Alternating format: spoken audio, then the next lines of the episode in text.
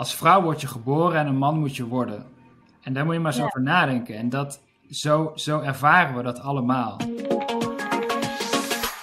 Dit is de tweewekelijkse podcast van Kek Mama. Mama doet ook maar wat. In deze podcast bespreken we alles wat met het moederschap te maken heeft. We zijn geen deskundigen, maar hebben wel overal verstand van. Vandaag hebben we een speciale aflevering. We hebben namelijk een man in ons midden. Nou ja, in ons midden was het maar zo'n feest, want de opnames vinden helaas nog steeds vanuit huis plaats. Maar we hebben wel een man en hij heet uh, Rob van Drunen. Hij is een van de oprichters van Mannenkracht en schreef met dit gezelschap een boek. Het is Tijdman. Het boek om de vraag te stellen: wat voor man wil ik zijn? Rob, wil jij je even voorstellen? Ik ben uh, 34 jaar. Ik uh, doe veel. Uh, een paar jaar geleden Mannenkracht opgericht. Uh, maar heb afgelopen jaar uh, ook heel hard gewerkt aan de oprichting van een uh, e-coaching platform. Die net live is. i45 heet dat, i45.nl. ik coach een hele grote groep young professionals. Ehm, ik ben heel bevlogen vader van een lieve zoon van 2,5. Ehm, en we zijn, jullie hebben primeur in verwachting van onze tweede. Uh, oh, ik vroeg nog aan mijn vriendin, maar mag ik het dan nu zeggen? Want uh, twee weken geleden nam ik een podcast op uh, en toen mocht ik het nog niet zeggen. Dus. Ah, kijk, nou hebben we echt een primeur. ja, heel leuk. Onwijs leuk. Gefeliciteerd, man. Wat tof. Wat een mooie ding allemaal. En, en dus nu ook een boek. Het is tijd, man. Ja. Ja. En we horen niet alleen Rob, we horen ook Eline. Ik ben Eline Onderkalter, marketingmanager Kijk Mama. En ik ben ook moeder van uh, een zoon van zes, Olivier, en een uh, dochter van drie, Filijnen. En ik ben Janine, ik ben chef redactie van Kijk Mama en ik ben moeder van Elin van acht en Mats van bijna zes. Nou, we gaan het natuurlijk even over, of even, we gaan het over het boek hebben. Uh, ik heb het zelf ook gelezen en ik moet zeggen dat ik het ook als vrouw en, en moeder interessant vond. het is natuurlijk wel volledig geschreven op de man, maar er staan heel veel voorbeelden en denkoefeningen in die eigenlijk voor iedereen uh, bruikbaar zijn. Maar uh, Rob, waarom vonden jij en jouw collega's van Mannenkracht het juist nu tijd voor dit boek? Ja, uh, dat is een goede vraag. Nou, eerlijk gezegd denk ik dat het al best wel een tijdje tijd is, om het zo maar te zeggen. Maar nu zeker. Ehm, en eigenlijk omdat er de laatste jaren eigenlijk een hele hoop dingen samenkomen en tegelijk gebeuren, zou je kunnen zeggen, waardoor man zijn in deze tijd eigenlijk een soort moeras is van verwarring. En, en veel mannen ook stiekem en, en vaak ook onbewust eigenlijk veel meer last op hun schouders dragen dan, dan eigenlijk nodig is. Waar dat um, in de basis mee te maken heeft, is dat we, dat we als mannen uh, zijn, we, zijn wij opgegroeid met dat klassieke manbeeld hè, van, van de alfaman. Dat, dat is ook een mhm. bekend begrip. Dus dat is nou ja, de man die sterk is, die haantje de voorste is, die, die problemen oplost door te knokken, die emoties maar voor mietjes vindt, houdt van dure spullen, lekkere wijven. Hè, als ik het even zo mhm. mag zetten, dat is dat stereotype man. Ja. En dit beeld wordt ook al heel lang, generatie op generatie, doorgegeven. Eh, als we kijken naar de geschiedenis, alle, alle helden waarmee wij zijn opgegroeid in de boeken, de Alexander de Grote, de Napoleons, de Columbus, dat, dat, dat waren de helden. Het zijn allemaal, allemaal veroveraars, plunderaars, alfamannen puur zang. Nou, nu weten we ook gelukkig wel beter dat die misschien ook meer kwaad dan goed hebben gedaan, maar dat is waarmee wij groot zijn geworden. En, en niet alleen in de geschiedenis, maar ook in films, weet je wel, de Cowboys en de James Bond. Dat zijn, dat zijn de, de, de alfamannen heldenverhalen. Dus dat hebben we op allerlei mogelijke manieren hebben we dat meegekregen als dat is hoe je als man um, moet zijn. Je hebt het omarmd ook, eigenlijk. Ja, het, het, uh, het, het, heeft, het heeft denk ik in een bepaalde periode ons ook uh, gediend. In die zin dat het ergens een soort houvast gaf. En een soort duidelijkheid van wat je als man te doen hebt. En, en een wat mildere variant is ook is gewoon hè, de man die op zondag het vlees snijdt van de oude reclame. Dus de man die voor een inkomen zorgt en voor brood op de plank en die werkt en, en, en that's it. En dat, dat, dat was een periode, denk ik ook, had het enig nut. Um, maar ehm, gelukkig ook, sinds de jaren nou ja, 70, toen begon het een beetje. Toen kwam er ook echt een, een, een, een tegenbeweging, zeg maar. Enerzijds vanuit vrouwen overigens, dus dat was het begin van de tweede, feministische golf. Vrouwen begonnen een beetje van zich af te slaan en, en op te staan. Maar er was ook een hele grote groep mannen die het, die het anders wilden. Um, en dat was de tijd van de flower power en de Woodstock en de joints en de lange haren en de roze jurken en, en wijde broeken en zo. En um, uh, tikkeltje doorgeslagen zou je kunnen zeggen natuurlijk. Maar dat waren de mannen die zichzelf soort van helemaal wilden bevrijden van dat, van dat, van dat alpha-man-beeld. Ja. Um, echt een revolutie, zeg maar, in die zin. Daarom was het ook zo'n tikkeltje doorgeslagen. En dat is eigenlijk een beetje het begin geweest van wat wij nu, wat wij nu met een knipoog noemen wij dat de alfalfa-man in ons boek. He, dus je hebt de alfaman en de alfalfa-man. Ja. Voor, voor degenen die dat niet ja. kennen, dat, is, dat zijn die kiemen die je op een salade. Er zijn mensen die het niet kennen, maar ja. dat is alfalfa. Uh, schijnt heel gezond te zijn. Nou, en dat is de man um, die, weet je wel, die, de, de postmoderne man. Dus hè, die vindt geld vooral vies, die mediteert iedere dag, die eet gezond, die praat vooral wel over zijn gevoel. Uh, doet thuis minimaal 50% van het huishouden en, en heeft zeg maar de, de draagzak voor de baby uh, als statussymbool. Weet je wel? En deze man lijkt op het eerste gezicht vrijer. Uh, want hij kan tenminste wel, weet je wel, gewoon open zijn over zijn gevoel. Uh, maar waar we een beetje achter kwamen, is dat hij helemaal niet vrijer is. Dat lijkt hij wel, maar dat is hij niet. Omdat hij in de basis nog steeds ook probeert te voldoen, of zich afzet tegen een beeld, of zich probeert te voldoen aan zijn eigen beeld. Um, en dus nog steeds bezig is met het voldoen aan verwachtingen en allerlei ideeën. Ja. Uh, alleen het zijn andere ideeën. Het is een andere invulling van een beeld. Maar het is nog steeds een beeld waar je aan probeert te voldoen. Dus als die man niet iedere dag goed mediteert en alfalfa eet, ja, grapje, maar dan vindt hij zichzelf geen echte man, weet je wel? Dus het mechanisme is nog steeds hetzelfde.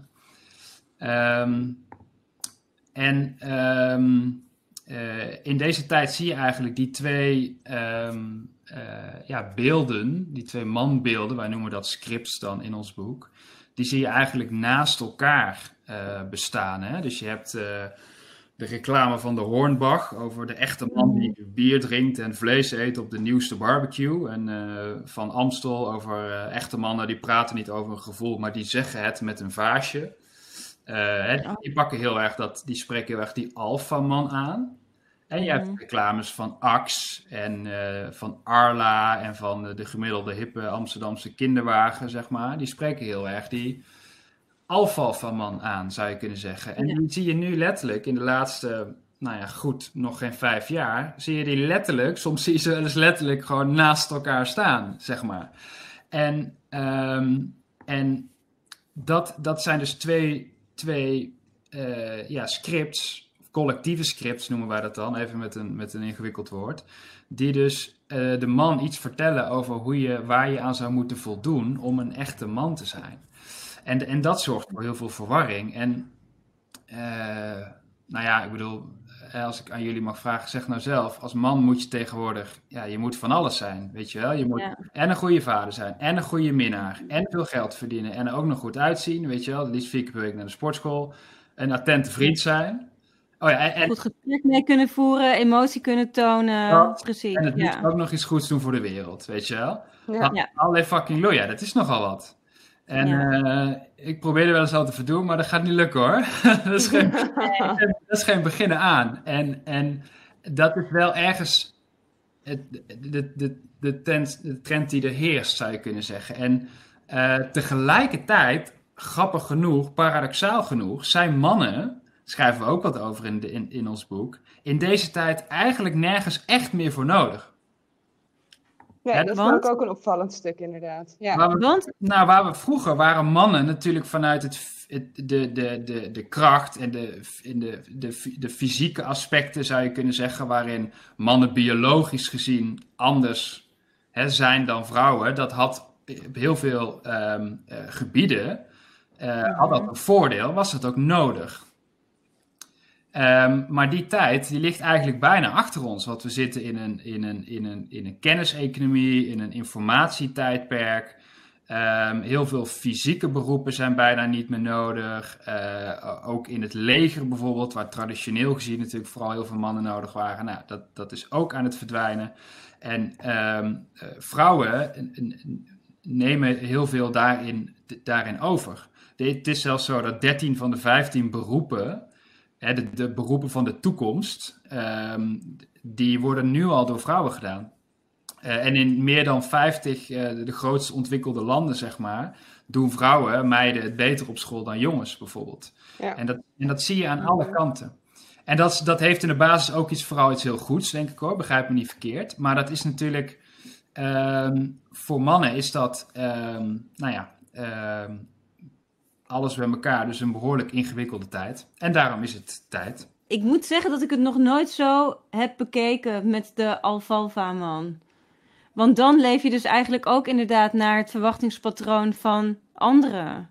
Ik moet het, uh, ik moet het even gaan verwerken. Want, in, want, want hoe? Ja, nee, maar. Want eh, op, op de een of andere manier is dat ook iets misschien wat ik dan toch een soort van ambieer voor mijn vriend. Dat hij ook inderdaad meer gevoel toont en meer van dat alfa, alfa uh, uh, afstapt. Mm-hmm. Maar anderzijds is het dan dus inderdaad ook dat dat nu een soort van opgelegd is. Dus ik vraag me dan wel af, hoe ontdek je dan nu eigenlijk wel je uh, authentieke zelf zonder dat het een rolpatroon?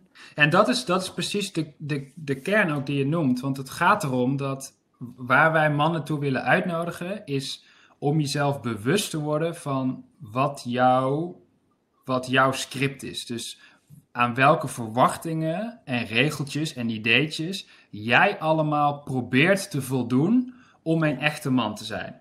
Dat is de kern. En daarvan kan je iets mee hebben gekregen van dat alfalfa-script. Grote kans, want dat gaat al generatie op generatie in alle films. Hè, wat ik net zei, noem maar op. Dat kan ook dat alfalfa zijn, om verschillende redenen.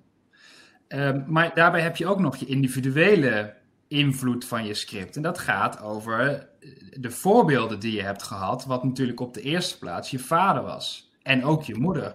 Dus wat zag je hem doen en niet doen? En wat, wat, wat zag je, je je moeder wel en niet doen? Als jouw moeder mannen allemaal viezerikken vond, dan leert jou dat iets over hoe mannen zijn. Als jij een vader had die um, problemen met, met geweld oploste en, en, en tegen jou zei als je huilde dat je je niet zo aan moest stellen, dan leert jou dat iets over wat, hoe mannen zijn en zouden moeten zijn. En dat internaliseer je, zeg maar. Ja, uh, en dat zijn allemaal onbewust, onbewust eigenlijk en ook soms bewust uh, rolpatronen die je de rest van je leven meedraagt.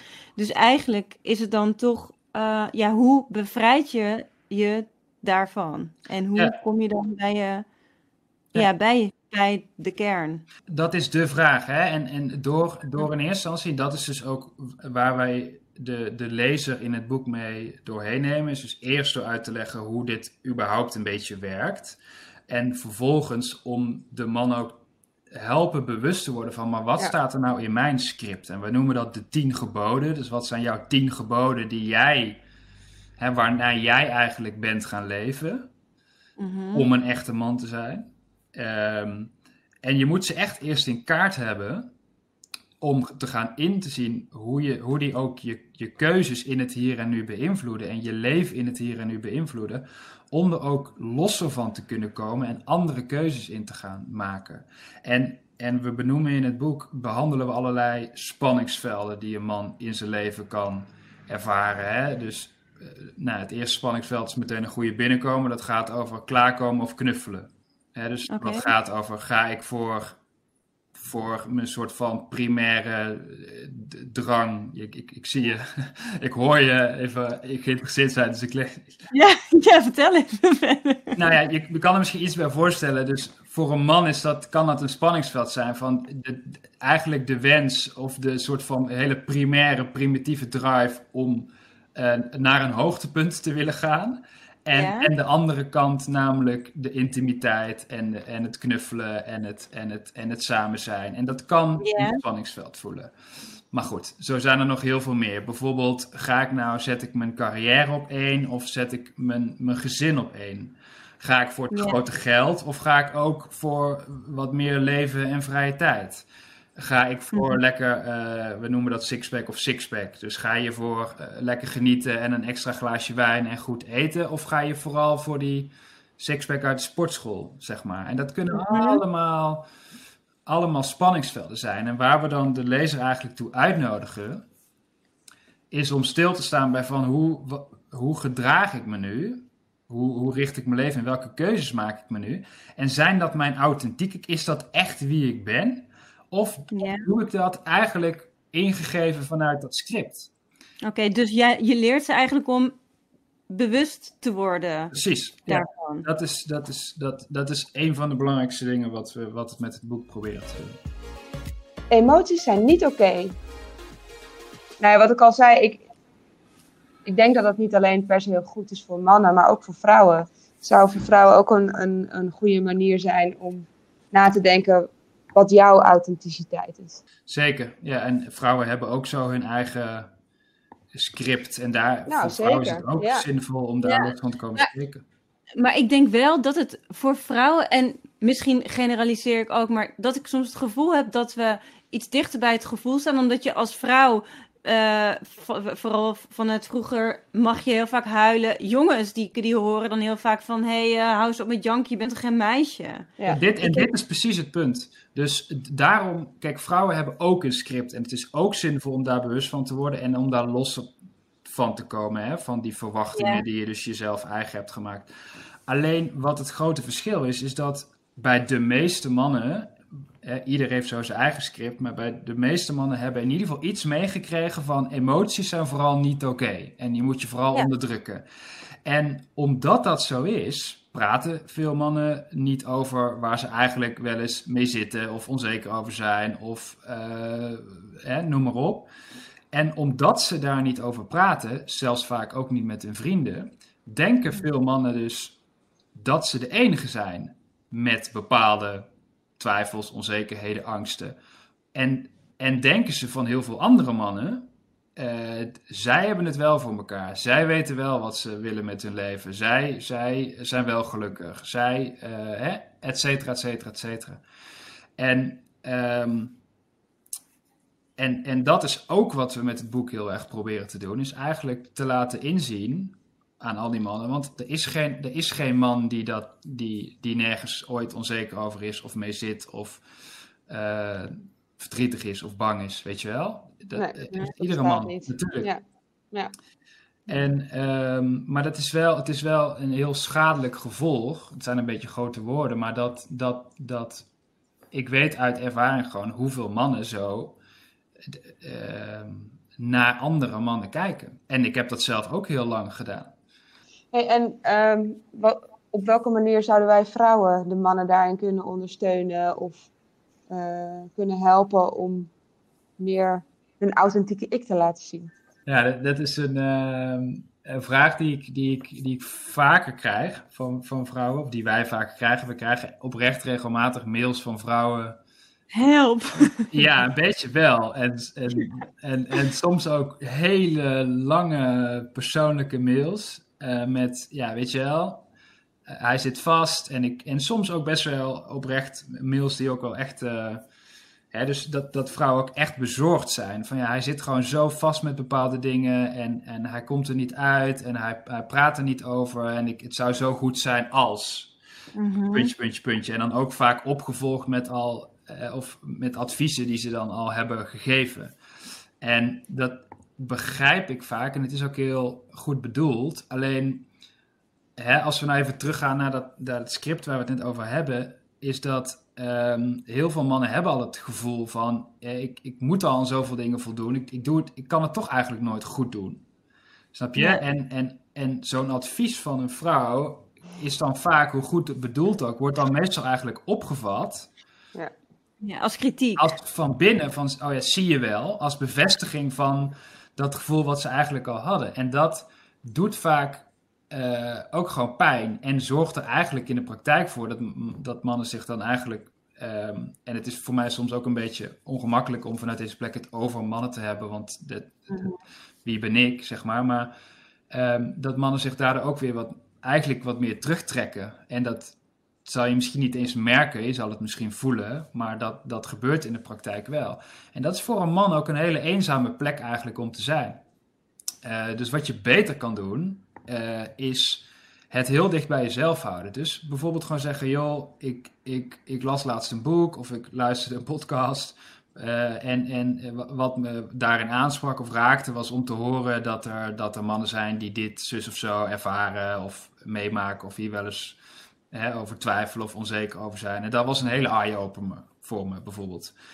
Um, en, het, en het dan ook weer weer gewoon los te laten. Zeg maar. Ja. Echt bij jezelf te houden. En, en zelfs als je kan en wil, daarin nog een tandje dieper gaan. En ook iets juist zelfreflectief over jezelf toe proberen te geven. Van oh jeetje, en ik realiseer me eigenlijk dat ik ook wel eens zus of zo doe.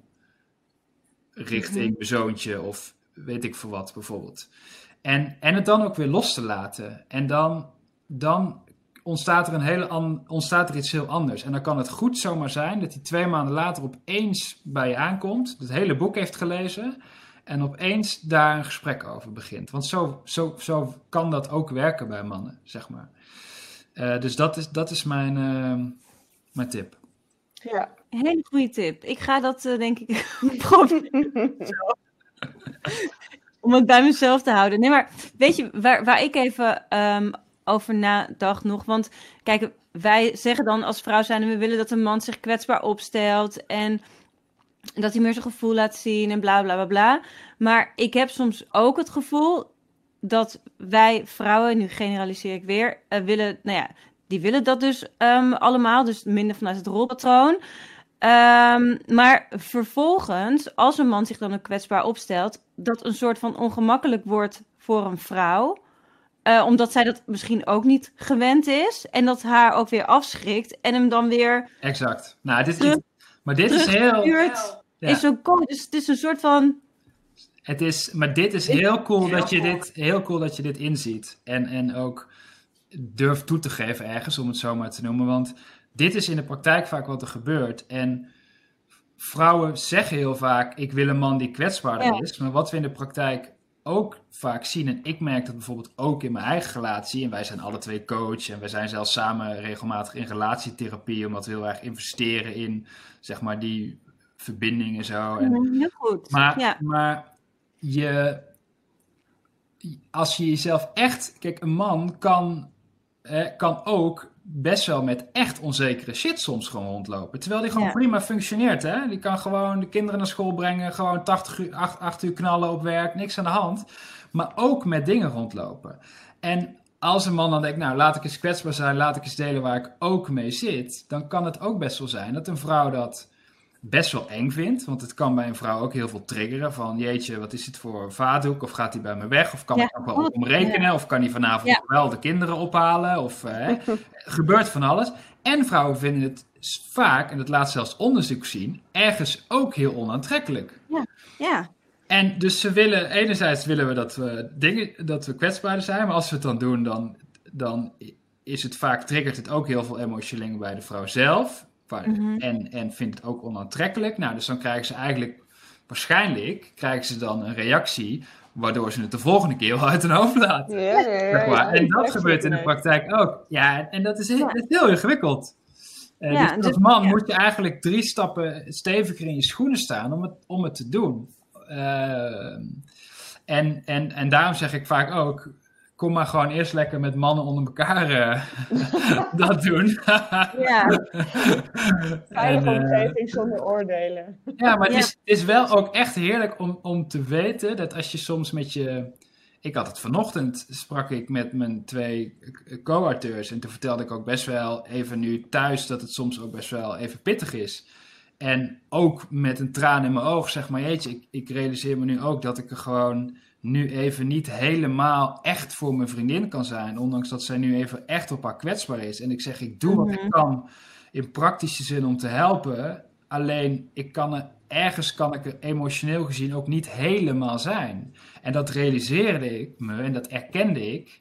En, ik, en het lukt me even niet. En dat vind ik vreselijk. En het is zo. En, dat, Mhm. en dat, ont- dat raakte me ook. En dan is het ergens heel fijn om dat dan wel met die mannen dan even te kunnen delen.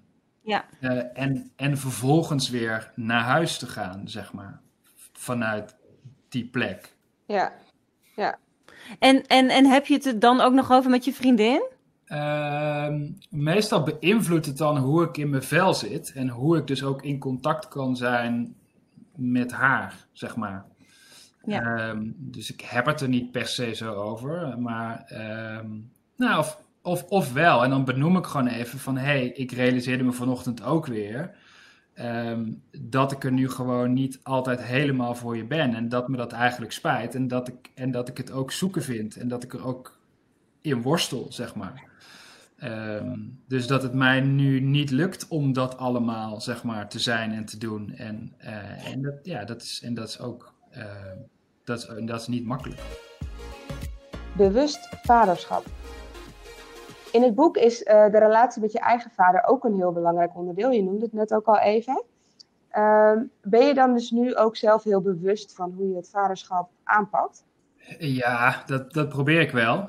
Ehm, zo, zo goed en kwaad als het kan. En ik ben eh, zelf eh, ook allesbehalve perfect. Ehm, maar ja, ik, ik probeer wel hem, hem nou ja, niet te voeden en, en, en te behoeden, om zo maar te zeggen, voor, voor het script van hè, als jongen moet je vooral stoer en sterk zijn en alles alleen kunnen. Ja, Eh, en het zit hem vaak in hele kleine, in hele kleine dingen. Ehm, dat, ik, dat ik probeer eh, hem bijvoorbeeld niet ehm, te becomplimenteren over eh, wat hij allemaal goed zou doen, maar hem ook niet daarop bekritiseren van kan je dat nou niet zelf bijvoorbeeld hè? Ehm, eh, of als hij verdrietig is, dat ik, dat, ik, dat ik niet zoiets zeg als maar je bent toch al een grote jongen, hè, bijvoorbeeld. Eh, of hem juist complimenteer over het feit als hij eh, stoer is en niet hoeft te huilen, dat hij een grote jongen is. ja, Of een stoere jongen is. En, en dat, Ah, ja. dat, dat, dat zijn. Ja, dat, het, zit, het zit hem echt al in dat soort kleine dingen. En daar. ehm, ja dat is ook zo. gewoon- Ik denk dat dat voor iedereen geldt, dat je dat heel makkelijk zegt. Dat is ook wat je vroeger zelf hoorde. Exact. En hou je groot en eh, niet huilen. Terwijl daar, daarmee schrijf je dus stiekem al het script. Ja. En het is, het is bizar dat, dat het dus zo ook werkt. Dus we zijn er echt zo mee opgevoed. Ik heb, ik heb soms dat stemmetje ook in mijn hoofd. Ja, Zit, dat, dat, dat, dat, daar zijn we mee groot geworden. Terwijl je moet daar dus bewust van zijn dat dat, dat, nou ja, dat, dat stemmetje er zit. Om vervolgens een andere keuze te maken. ja, Dus Ja. we, we, hebben, we kregen dat in het boek, noemen we die ook. We kregen naar aanleiding van een, een, een interview met mij in de, in de Happiness, kregen we een, eh, een, een Instagram berichtje van een moeder. En die beschreef zeg maar een hele dialoog dat zij bij de dokter was. Eh, waarbij het zoontje in de auto zei van mama, mama, ik ben, al, ik ben al een grote jongen, ik hoef niet te huilen hoor. Terwijl het natuurlijk heel duidelijk en voelbaar was dat, dat hij bang Mhm. was, want hij zou een prikje krijgen.